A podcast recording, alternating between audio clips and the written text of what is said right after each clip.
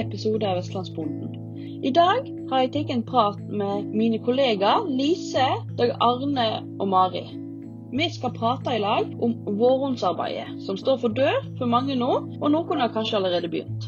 Mitt navn er Helena Elvertun, og jeg er grovfòrrådgiver. Men først vil jeg starte episoden med å snakke litt om klima.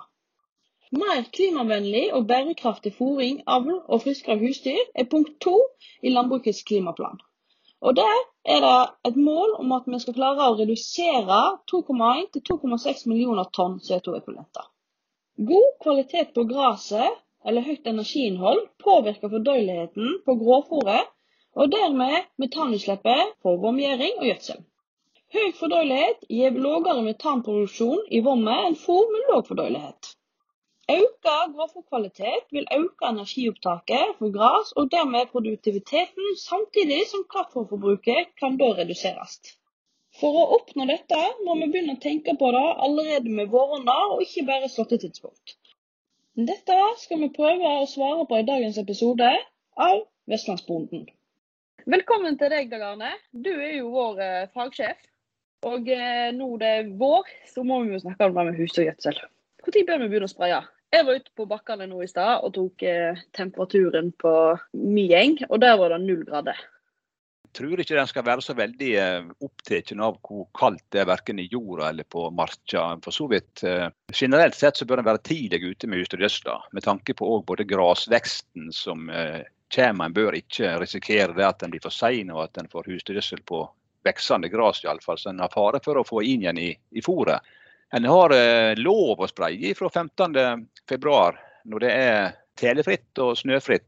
Jeg tror ikke en skal gå og vente på en spesiell temperatur før den går løs. Det viktigste er å få dette her ut når jorda er kjørbar og alt ligger til rette, helst med den ideelt uh, veier da, når det gjelder husdyrgjødselspraying. F.eks.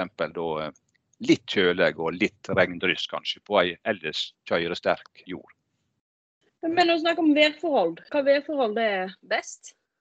Nei, Det beste er nå duskregn og eh, kjølig vær og stilt. Eh, da eh, er størst sjanse for at minst mulig av husdyrgjødsla forsvinner til himmels. Da. At den lander der hun skal, og at hun lander forholdsvis fort etter spraying. Da. Og at temperaturen er sånn at det ikke fordamper for mye av nitrogenet til lufta. Da kan en selvfølgelig komme inn på dette med stripespraying kontra brei spraying. Da, men det er et tema for seg sjøl, men eh, generelt så gjelder det å få husdyrgjødsla til å komme fort ned på bakken. Og at den eh, får temperatur og forhold til at den blir værende der, og at hun får ned i jorda i stedet for at hun får oppover. Er det stor forskjell på virkningene når du har breispraying og dryppespraying i eh, høvelig værforhold? Til høveligere værforhold det blir for møkaspraying, til mindre forskjell blir det mellom stripespraying og breispraying. Men sånn i forhold til når vi snakker om storfe, gylle og sauegylle når en tilfører vann, er det bra å tilføre vann? Selvfølgelig er det alltid en fordel å ha rikelig vann i. Vannet binder nitrogenet. Eh, det er ingen tvil om det at du får bedre virkning av nitrogenet ved å ha en tynn vare å få ut på marka. Og Den siger òg eh, bedre ned i jorda hvis det er tynt. Er det tjukt, så risikerer du bare det at du får ei tjukk skorpe, så da eventuelt eh, etterpå vil tørke opp og legge seg som et dekke over jorda der gresset ikke klarer å trenge gjennom. Du får en bøte på enda kanskje med skorpedanning på, som er veldig uheldig når det gjelder å få jevn grasvekst. Så eh, mest mulig vann. Men det er klart at det er et kompromiss en må gjøre. Da. I praksis er det vel veldig få som bruker 50 vann og mer, iallfall. For det har med kapasiteten på gjødsellageret å gjøre, muligheten for å greie å røre opp. Det er stort sett fullt om våren. Og så skal en kanskje av gårde med dette her eh, på en viss avstand fra fjøsen, da, og da liker ikke en å kjøre en veldig tynn eh, blanding. og Sånn at du, du kommer hjem igjen og skal ta nytt lass, så har det vokst i gjødselkjelleren fordi at du driver og blander inn vann underveis. Eh, det er litt noe minke i kjelleren. da, så en, en, Har du lang transportavstand, så er det klart at litt tjukkere blanding må en kunne tolerere. Men hvor mye forskjell på nitrogen blir det hvis en ikke hadde blanda inn noe vann kontra 50-50? da? Jeg tør ikke å svare på det. Det er heller ikke råd å være sikker på. For eh, det er også klart at Har du en litt tjukk blanding, så, og du får regn etterpå når du har hatt det på dette, her, så vil det kunne fungere, det òg. like bra, kanskje. Men eh, du drøyer på en måte nitrogenmengder totalt sett i gjødselkjeller med å tilsette vann. For at du får jevnt over en bedre virkning som gjør at eh, du klarer å få mer nitrogenvirkning hvis du klarer å tilføre vann underveis eller før du sprayer. Det er veldig vanskelig med husdyrgjødsel på veldig mange måter å, å håndtere på papir, for å si det sånn, òg når det gjelder gjødselplanlegging og vurdere virkning osv. For at, eh, det er heller ikke lik blanding av husdyrgjødsel du klarer å få ut på all mark. Det første du har ut, er kanskje litt lite vann i, og så har du mer vann etter hvert. Sånn at det blir veldig, sånn, veldig skjønn. Og til mer husdyrgjødsel en bruker per dekar, til større del av nitrogenet du bruker totalt på enja, er i form av husdyrgjødsel, nitrogen. Og Det er det mest usikre når det gjelder virkning. Sånn at eh, For de som bruker veldig store mengder gylle på eng, så blir det forholdsvis lita mengde med mineralgjødsel. Og Mineralgjødsla den vet en at den virker uansett, og da virker det eksakt det du har ut. Men når det gjelder husdyrgjødsel, nitrogenvirkninga den, så er ikke den eh, eksakt. Det blir veldig mange usikkerhetsfaktorer når en skal eh, ha ut mye husdyrgjødsel. Men når du snakker om mineralgjødsel nå, da. Bør en ha mineralgjødsel rett etterpå husdyrgjødselet, eller skal en vente? Klart Hvis du har ut eh, husdyrgjødsel veldig tidlig, mer eller mindre nødløsning med fulle lager tidlig på våren og begynner å arbeide med dette her i tidlig i mars måned, og sånn, så det er klart at da kan det nå ikke være noe poeng eh, å heller fraråde å ha ut mineralgjødsla umiddelbart etter det. Men eh, med spraying til en normal tid, f.eks. på tidligere plasser da, i april måned, å ha ut eh, mineralgjødsla ganske nær etterpå, i løpet av slutten av april, er nå bare en fordel. Det er ikke noen grunn til å vente. Jeg tror faktisk det at det i stor grad, litt stor grad blir det brukt mineralgjødsel litt for seint i forhold til husdyrgjødselspraying. At det blir for nær slåtten. En bør vel eh, helst ha en eh, fire-fem, eller over fire, fem-seks uker kanskje, ifra husdyrgjødsel, skråstrek mineralgjødsel, og fram til en skal slå for å så få eh, virkning av alt. Men Hva mener du da med å spraye mineralgjødsel før husdyrgjødsel? Kan det være aktuelt?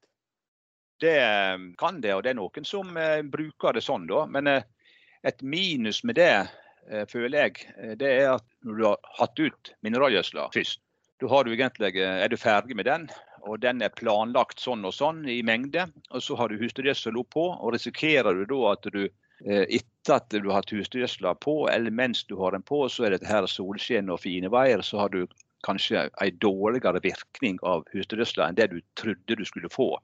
Så begynner en å lure da i etterkant. Har jeg nå brukt for lite mineralgjødsel? Fordi at eh, virkningen på husdyrgjødsla føler jeg ble for dårlig. Så er det et minus. Men det er et pluss at eh, i veldig mange tilfeller at, at husdyrgjødsla kan rett og slett legges opp på mineralgjødsla og på den måten òg vete ut eller løse opp mineralgjødsla litt kjappere. Så eh, det er plusser og minuser. og eh, Det er akkurat det med usikkerheten på virkning av husdyrgjødsel som er, er største minuset, føler jeg. Nå snakker vi ikke om nitrogengjødsling, men i forhold til de to andre viktige mineralene som vi tilfører, fosfor og kalium, er det aktuelt å bruke det på våren, eller er det godt nok når du bruker husdyrgjødsel? Da er vi nå inne på eh, hva jorda krever av gjødsel. Da, da er vi nå inne på jordanalyser og hva det, de sier da, med fosfor- og kaliuminnhold i jorda fra før. Husdyrgjødsla inneholder altså hvis en kaller det en blanding mellom gylle og blaut gjødsel, en del vann da, men ikke 50-50, så kan man kanskje si at uh, i hvert kubikk eller hvert tonn en bruker med gjødsel, så får en tilført en halv kilo fosfor og en får tilført mellom 2 og 2,5 kilo kalium kanskje per tonn brukt av husdyrgjødsel. Sånn at det, på kalium- og fosforrik jord, og med normale husdyrgjødselmengder, så finnes på et, iallfall på et, eh, et storfebruk med melk, det er ofte husdyrgjødsla dekker de behovene. Altså behovene for fosfor og kalium fullt ut. Sånn at eh, skal en supplere med mineralgjødsel, da så er det nitrogen som står igjen å bruke mer av enn det som finnes i husdyrgjødsla. Og Spesielt på fosfor da, så er det ofte problemet med fosfor, for å si det sånn i hermetegn, det er det at vi klarer ikke å gjødsle lite nok med fosfor i, i forhold til behovet. For det at uh, husdyrgjødsla den har vi, og den må vi bruke.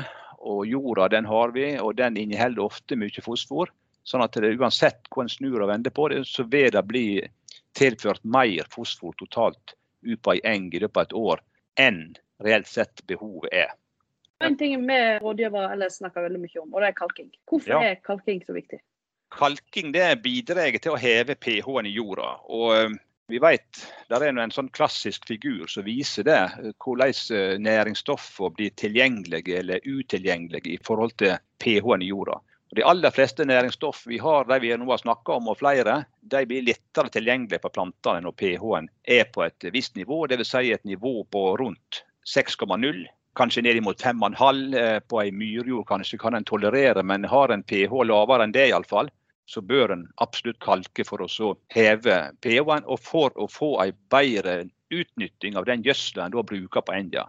For det er ikke hjelp i å gjødsle med både mineralgjødsel og husdyrgjødsel en normal høy eller sterk gjødsling som er i vanlig norm, kanskje, da, hvis at eh, jorda er i en sånn tilstand at den ikke klarer å nytte ut gjødsla. Du får ikke avlingsrespons på gjødsling hvis pH-en er lav, f.eks. ned mot fem blank og lavere enn det er på firetallet. Så eh, det er for å legge til rette for bedre vekst på India at en kalker jorda, rett og slett, for å si det enkelt. Så gjødsling på veldig sur eng er nesten litt bortkasta. Da er det viktigere å bruke pengene på kalk? Ja, i første omgang. Til en har fått opp pH-en på et visst nivå, så kan en selvfølgelig komme igjen og øke nitrogengjødslinga på enja òg når jorda er i stand til å ta imot eller respondere på den eh, gjødsla. Og så er det jo noen som bruker skjelsand, og noen bruker agridolbull.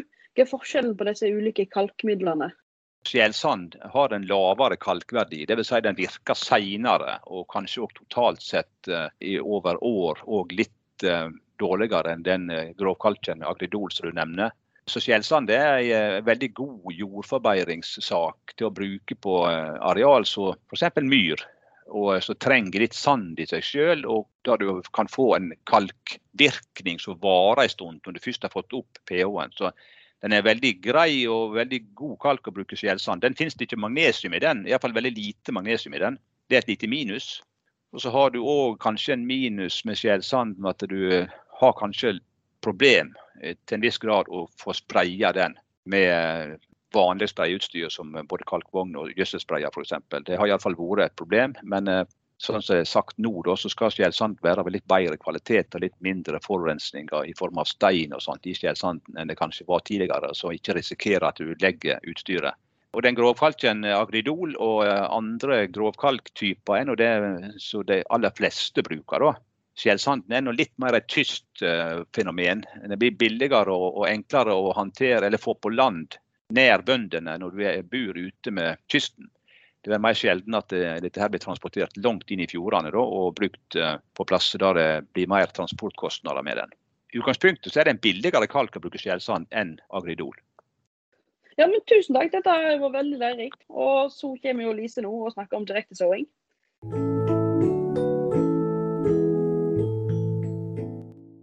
Lise, du er jo med oss i dag for å dele kunnskap om direktesåing. Dette er jo noe du har gitt rådgivning om i mange år. Du holder jo til i bergensområdet, på Kokstad, og der er det jo mer kystklima enn mange andre plasser i vårt område. Hvorfor skal vi drive med isåing? Først og fremst så er det en metode for de som syns de ikke oppnår ønska avling, og når fullstendig fornying ikke er mulig. Men det som er viktig hvis en skal vurdere metoden isåing er at den har et potensial i enga, så den har noe å bygge videre på. Sånn at den isåinga er med og gjør enga enda bedre. Det blir mye brukt hvis det er dårlig overvintring.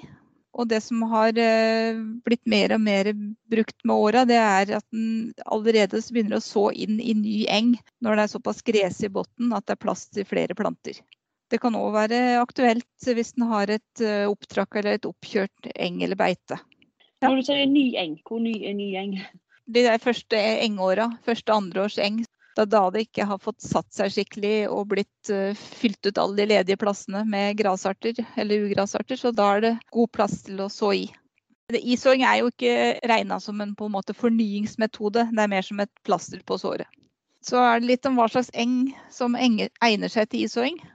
Og det er egentlig, så kan vi si det så enkelt som at uh, hvis den har en mulighet for at det frøet som den skal så inn, får kontakt med jord, så er det en uh, egna eng. Og Det er derfor det er best tilslag i første og andre års eng, fordi da er det såpass uh, glissent at det kan være plass til nye planter. Eller hvis den har hatt dårlig overvintring og noe har gått ut, så blir det òg plass til nye planter. Eller hvis husdyr eller hjort eller andre dyr har vært opp, trakka opp sånn at det har blitt åpne sår i enga. Så var det litt om det som ikke egner seg til isåing. Og det er jo den her tette, gamle enga som er, eller beite som er dominert av uh, naturlige, små, tette grasarter, hituer og breiblad, ugras og mose. Hvis det blir sånn veldig veldig tett i bunnen, da er det ikke plass til noe mer nytt. Da må man prøve å få en fullstendig fornying. Så tenkte jeg skulle si litt om når den uh, bør så. Det er to aktuelle tidspunkt. Det er enten tidlig om våren, og det er nok det som er det beste tidspunktet. Og da er det å komme i gang så tidlig som mulig, egentlig, før den veksten setter i gang for fullt. Og før den skal ut med husgjødsla. Du sier tidligst mulig. Jeg var ute på bakkene her i stad og tok temperaturen på min egen jord. Og der var null grader. Da er det litt tidlig, for da er det sannsynligvis eh, frost om natta. Og eh, det bør det ikke være. Så man må nok opp igjen sånn fem til åtte grader i jorda for at det skal være noe sjanse for at det frøet spirer ganske kjapt. Nå er det slik at eh, våt jord er mye kaldere enn tørr jord, så man må på en måte tenke litt på det også. Ikke bare se på lufttemperaturen, men gjerne kjøpe seg et termometer og stikke ned og se hvor mye det er i jorda. Det som er litt viktig, er jo det at det såfrøen sår, at det kan ha mulighet til å, å spire ganske kjapt. Hva såfrø snakker vi da? Da snakker vi først og fremst om flerårig raigras. Det er en grasart som spirer veldig raskt, busker seg veldig godt og konkurrerer godt med det gresset du har der fra før. Enten kan kjøpe én sort, det er nok kanskje det billigste, og da er det enten Calibra eller den nye Figgjon som er aktuell. Eller en kan kjøpe en sånn flerårig raigrasblanding som kalles pluss 100. Den er ørlite grann dyrere, men da har den litt flere bein å stå på. For da har den arter som gir god avling, som spirer fort, som overvintrer godt, og som noen skyter tidlig, noen skyter seint. Så den har liksom alt på en gang, omtrent som i en eggfrøblanding. Hvor mye skal en bruke da når en sår ut? Det er jo ikke all verdens uh, tilslag på det, så på den måten så kunne en kanskje tenke at uh, skulle ha brukt full såmengde. Men da er det litt avhengig av metoder. Hvis du har en god metode så er jeg sikker på at du får kontakt mellom jord og frø, så trenger du ikke mer enn en 2-2,5 kilo på dekaren. Eller hvis du er mer usikker og tenker at uh, kanskje en god del av frøet havner litt oppi tunraptuer og mose og litt av hvert, så bør du kanskje opp i i hvert fall fire kilo for å være sikker på at noe av det treffer jord. Så hvis en sliter med å vurdere dette, så er det jo bare å ta en telefon til deg, da? Ja da, så kan vi diskutere det ut ifra hva dere har og hjelpe dere med redskap. Sånn i forhold til utstyr, da helt vanlig sånn grassåmaskin med labber er ikke det helt store, for da får vi ikke noe fram noe eh, svart jord.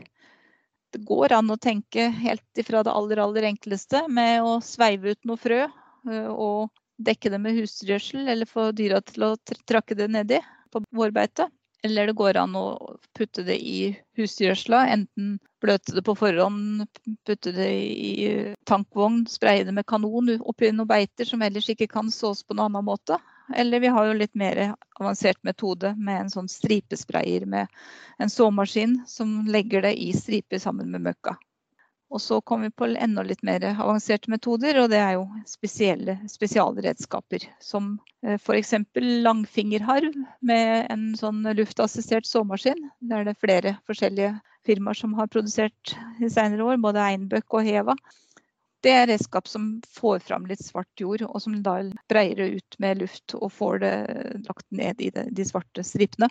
Det har vært en god metode, og vi har hatt eh, forskjellige direkte såmaskiner som også gjør en god jobb. Er det stor forskjell på hva utstyr du bruker, eller er det Moni å bruke alle disse metodene du nå har snakka om? Metodene er egentlig ikke det mest avgjørende. Det mest avgjørende er at du får kontakt mellom frø og jord. Vi har også noen som har elektrisk såmaskin framme på traktoren og moseharv bak, og har fått veldig godt tilslag med den metoden. Så jeg vil ikke egentlig komme og si at den ene metoden er veldig mye bedre enn den andre, men det er forholdet når du gjør det som er det viktigste. Altså at, du, at det er litt fuktighet i jorda, at du får den gode kontakten. Og så er det veldig viktig egentlig samme hvilken metode du bruker. Enten få dekka det med husgjødsel og bruke det som lim, eller bruke trommel og få pressa det nedi. Er det noe mer du tenker vi burde vært gjennom? Jeg nevnte den tidlige vårisåinga, at det er et tidspunkt. Det går også an, hvis en er veldig misfornøyd med avlinga etter første slått, å sette i gang da rett i stubben etter første slått, og så da. Da er det mye varmere jord og mye lettere få rask spiring. Eh, da er det ikke sikkert en ser så mye igjen av det i andre slått heller, men hvis en bruker flere raigras, så vil en sannsynligvis med god overvintring se mye igjen året etter. Vi har flere også muligheter. Vi har stort sett snakka nå om flerårig raigras. Men hvis en vet at en skal legge om det arealet eh, året etter, sånn at det er siste året med eng, så kan en jo f.eks. bruke ett et og toårig, eller enten ett eller toårig. Det spirer mye raskere og gjør mye mer ut av seg og så har vi en del medlemmer hos oss som sliter med hjortebeiting, og har da lagt seg til den eh, strategien at de sår inn hver eneste vår. For de vet at eh, det er, blir gress i løpet av eh, en sesong. Og da er det om å gjøre å få det så tett som mulig fra starten. Så de bruker enten flerårig eller en blanding av ett og toårig hver vår. Og da viser effekt? Raigraset tetter igjen en del slike svarte høl etter at hjorten har gått der hele vinteren igjennom. Så mm, det har noe for seg, absolutt. Det med raigras, kan vi bruke det overalt nå? Eller Vest sitt område er det fortsatt ikke god nok overvintring på raigras overalt. Men øh, hvis en har dette utstyret som kan bruke til isåing, så er jo det òg en metode å gjøre at en, øh, hvis det går ut, så kan så det inn igjen. Og vi har en del som som driver på i slike områder der flerårig raigras er litt tvilsomt. Og da har de lagt seg opp en strategi med at de sår med frøblandinger uten raigras. Og så har de førsteårs eng uten raigras, og så begynner de i andre og engeåret. Og så inn raigras. Og hvis det da kommer en slik vanskelig vinter, så vil de da ha igjen attlegget og førsteårseng uten raigras, og så er det det som er eldre som går ut. Men er det noen sorter som er bedre der enn andre til slike strøk? Det er jo de her hovedsortene Figgjo og Calibra som det er foredla fram mest i forhold til det med en blanding av overvintring og avling.